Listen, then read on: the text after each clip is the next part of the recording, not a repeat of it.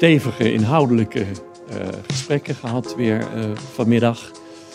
Um, die in, in goede sfeer verlopen.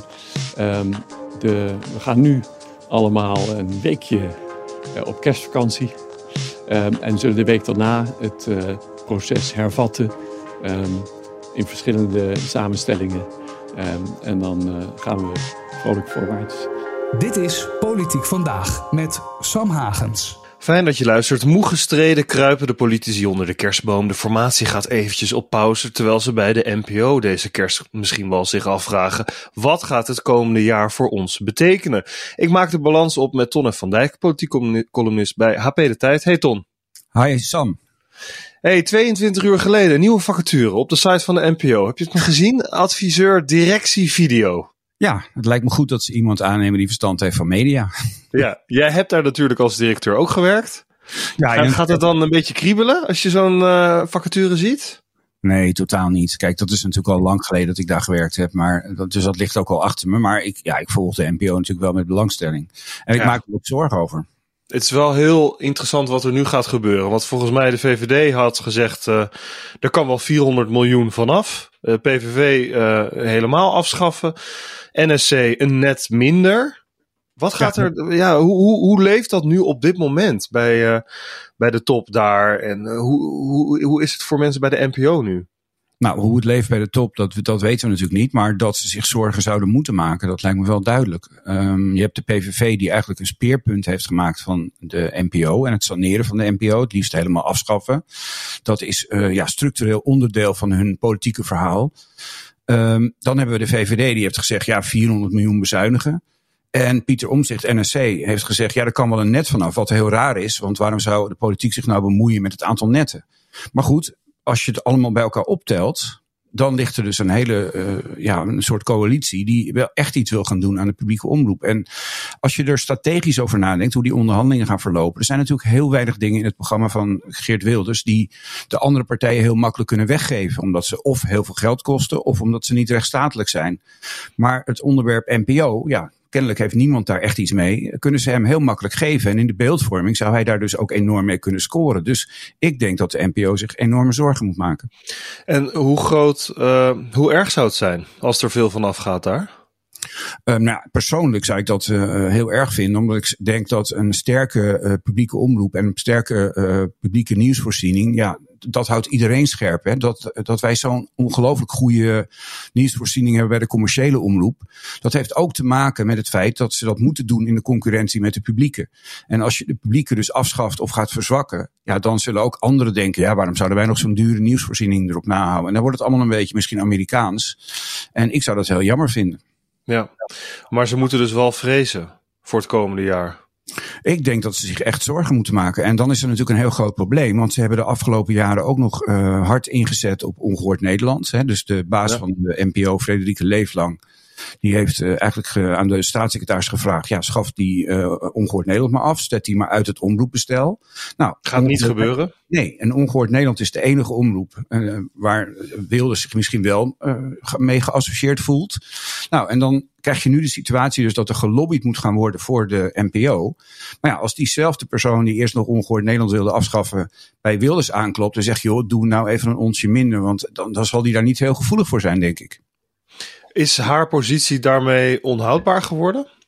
Wat sowieso heel vreemd is, is dat zij heel hard heeft ingezet op het verwijderen van uh, ongehoord Nederland uit het omroepbestel. En dat zij dat kennelijk niet heeft kortgesloten met de politiek. Dus dat zij niet van tevoren naar uh, Gunay uh, Oesloe is gegaan, de toenmalige verantwoordelijk staatssecretaris. En heeft gezegd, luister, wij gaan hier hard op inzetten, maar dan wil ik wel zeker weten dat jij mij ook steunt. Dus van 2-1, of ze heeft dat gedaan en Oesloe heeft haar keihard laten vallen.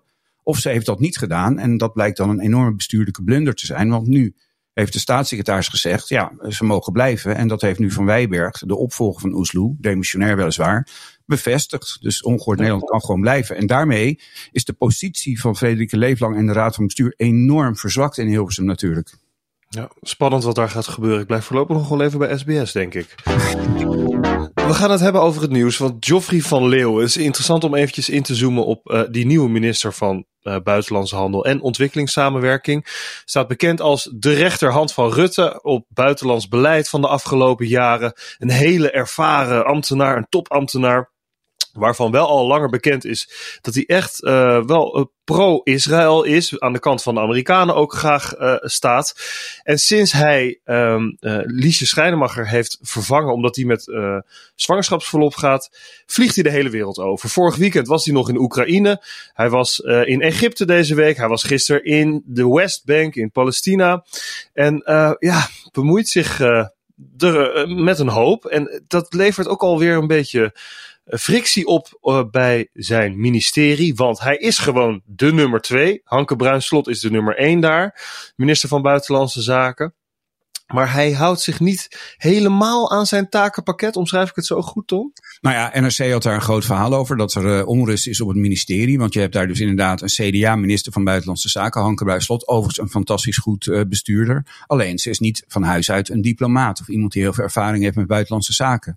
En de nummer twee, dat is dus de minister van Buitenlandse Handel en Ontwikkelingssamenwerking. Ja, die uh, is nu met zwangerschapsverlof. En vervangen door de veiligheidsadviseur van Mark Rutte. En dat is een oud ambassadeur. Dus een topdiplomaat met heel veel ervaring.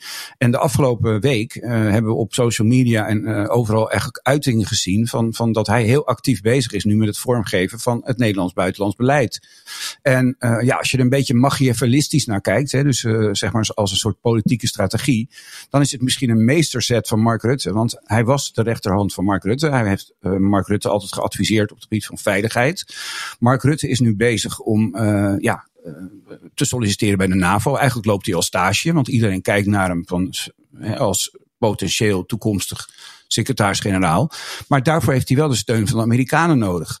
En er is nu een groot conflict. Amerika kiest daar een harde lijn in. Die steunt Israël onvoorwaardelijk. En wat je ziet is dat Rutte dus ook al een paar keer is afgereisd naar Israël. En nu is dus Jeffrey van Leeuwen, een havik op het gebied van Israël, ook naar Israël gestuurd. En je zou bijna kunnen zeggen, hij is een soort waakhond van Rutte op dat ja. uh, ministerie. Dus in die zin een politieke meesterzet misschien. Al moeten we ook eerlijk zijn. Kijk, Van Leeuwen is natuurlijk wel een zeer ervaren diplomaat. Dus in, qua ervaring past hij daar en is hij misschien zelfs wel meer geschikt dan Hanke Bruinslot. Ja, ik denk dat als we het Mark Rutte met een camera zouden vragen, je moet niet overal uh, alles achter zoeken. Maar aan de andere kant, hij is inmiddels de vleesgeworden politicus die hij is. En uiteindelijk is alles ook gewoon strategie bij hem. Hij heeft er ja. wel voordeel bij. Ja, als ik hem was, zou ik nadenken over. Ja, ik wil secretaris-generaal van de NAVO worden. Hoe moet ik dat dan doen? Maar het is, ook ja. een, het is ook zorgelijk vanuit de Nederlandse democratie geredeneerd. Want we hebben dus een premier die demissionair is. Waar relatief weinig controle op is. Die we nu opeens overal zien opduiken in het buitenland. En het buitenlands beleid zien uh, vormgeven. Samen met zijn rechterhand, die nu ook op dat ministerie zit. Ja. En, uh, hij moet nog wel naar de Kamer luisteren, toch? Hij kan niet zomaar zijn gang gaan. Dat is wel zo, maar aan de andere kant, omdat hij demissionair is, dat zie je nu ook. Uh, ten eerste is de Kamer niet eenduidig. En ten tweede uh, zegt het kabinet ook regelmatig, ja, dat gaan wij niet doen. Of dit gaan we niet doen. En anders mm. stappen we gewoon op. Hè. Dus, ja, daar dreigde die vorige week mee. Als jullie uh, geen geld naar Oekraïne willen sturen, dan kap ik er gewoon mee. Nou, dus dan stort ik het land in een crisis. Maar het punt is, hoe weten wij nou als uh, gewoon buitenstaanders, als kiezers, dat Rutte het buitenlands beleid vormgeeft vanuit het belang van Nederland? Of speelt ook in zijn achterhoofd mee dat, dat hij zelf graag uh, ja, in een goed blaadje wil komen bij de Amerikanen. En ja. dat wil niet zeggen dat hij slechte bedoelingen heeft of dat hij niet integer is. Maar het is een soort conflict of interest wat, wat zich in zijn hoofd zou kunnen afspelen. Wat wel degelijk invloed heeft op de uitkomst. En dat vind ik ja. toch vreemd. Ja, zeker. Interessant. Um, ambtenaren op dat ministerie van, uh, van Leeuwen hebben dus kritiek. Want die zeggen, ja, hij heeft het bijvoorbeeld in Palestina gehad over wat er moet gebeuren met Gaza als Hamas verslagen is interessant is dat er ja, ook gisteren een demonstratie vanuit ambtenaren was. Ook van ambtenaren op buitenlandse zaken. Maar ik was daar gisteren naartoe. Het was een soort sit-in voor dat ministerie. Heeft allemaal te maken met het standpunt van het kabinet. Uh, ze hebben zich onthouden van stemming laatst over een VN-resolutie om op te roepen tot staakt het vuren.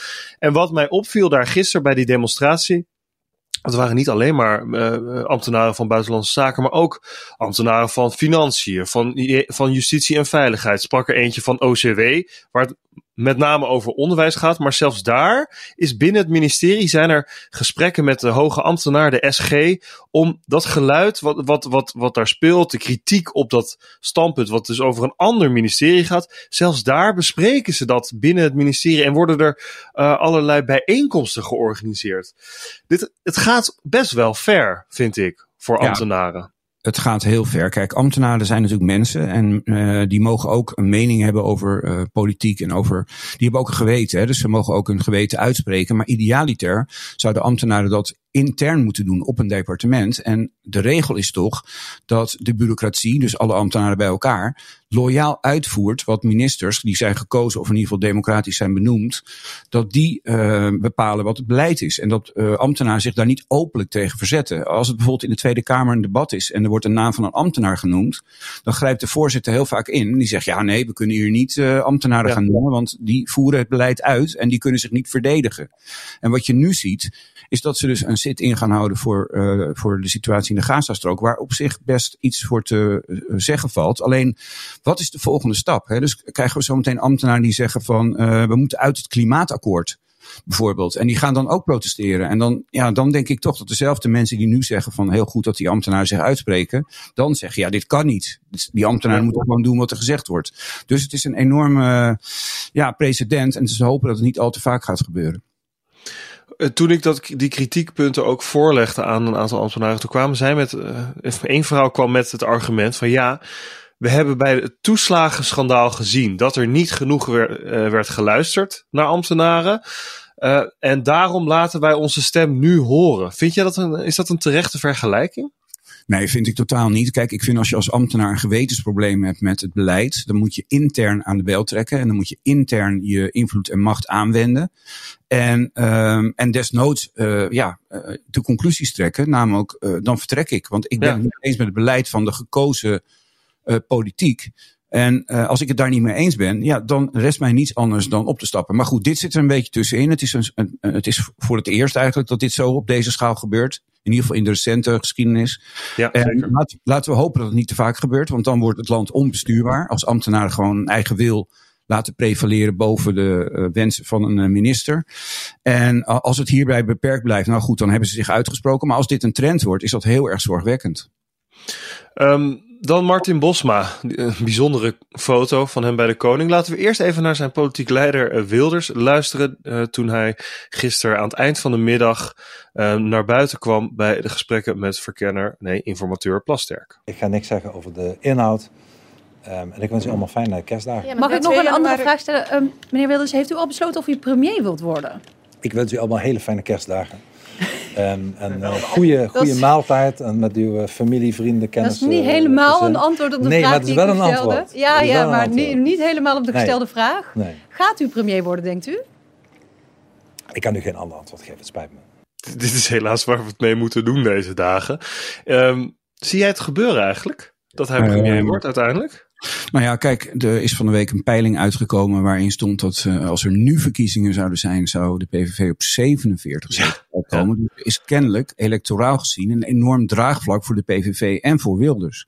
Ja. En um, ja, vanuit dat perspectief um, kunnen we niet uitsluiten dat hij ook premier zal willen worden en dat dan ook wordt. Want hij vertegenwoordigt de grootste partij en dat is in Nederland een goed gebruik. Aan de andere kant is hij natuurlijk zo controversieel ook de afgelopen jaren geweest.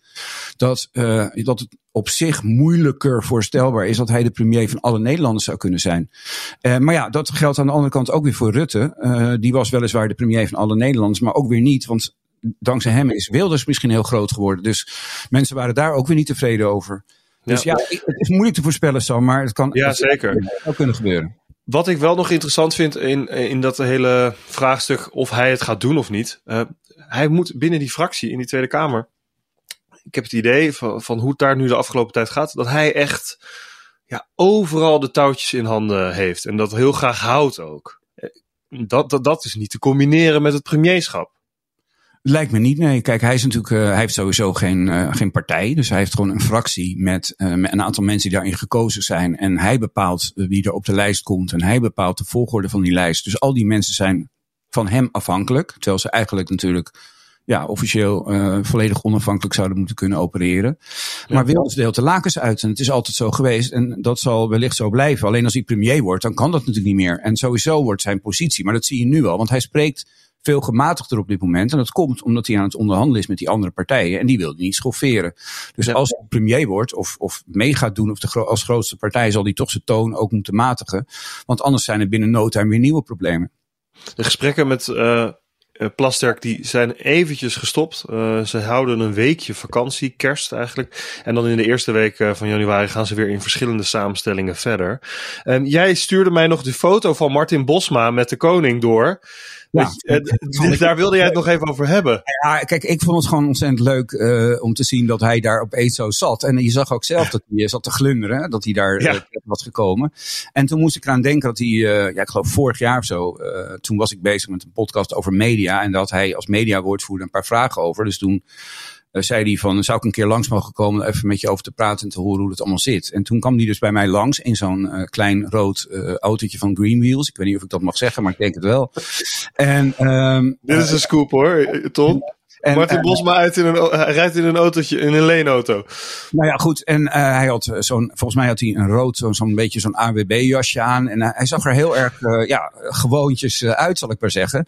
En, ja. maar, en, en het is ook een heel bescheiden iemand. Hè? Dus hij heeft een hele grote mond in de politiek. Maar als, je gewoon, als hij gewoon bij jou op de bank zit, is dat gewoon een heel bescheiden iemand. Ik ken hem overigens nog van heel lang geleden. Want toen ik hoofdredacteur was van de Amsterdamse tv-zender AT5, toen zat daar op een gegeven moment iemand achter een bureautje. En toen zei ik, wie is dat? Toen zei ze, dat is Martin Bosma. Dus, dus, maar hij heeft het enorm ver geschopt. En, en nu is hij dus Kamervoorzitter. En nu heeft hij dus geen Greenwheels autootje meer, maar een dienstauto met chauffeur. En wordt hij op het paleis afgeleverd. Dus ja, dat is wel een fantastische carrière. En een heel mooi jongensboek natuurlijk. Ja, heel bijzonder verhaal. Hey, we gaan het de komende tijd nog wel volgen. We houden contact. Voorlopig was dit eventjes de laatste aflevering van Politiek Vandaag. Dankjewel, Ton.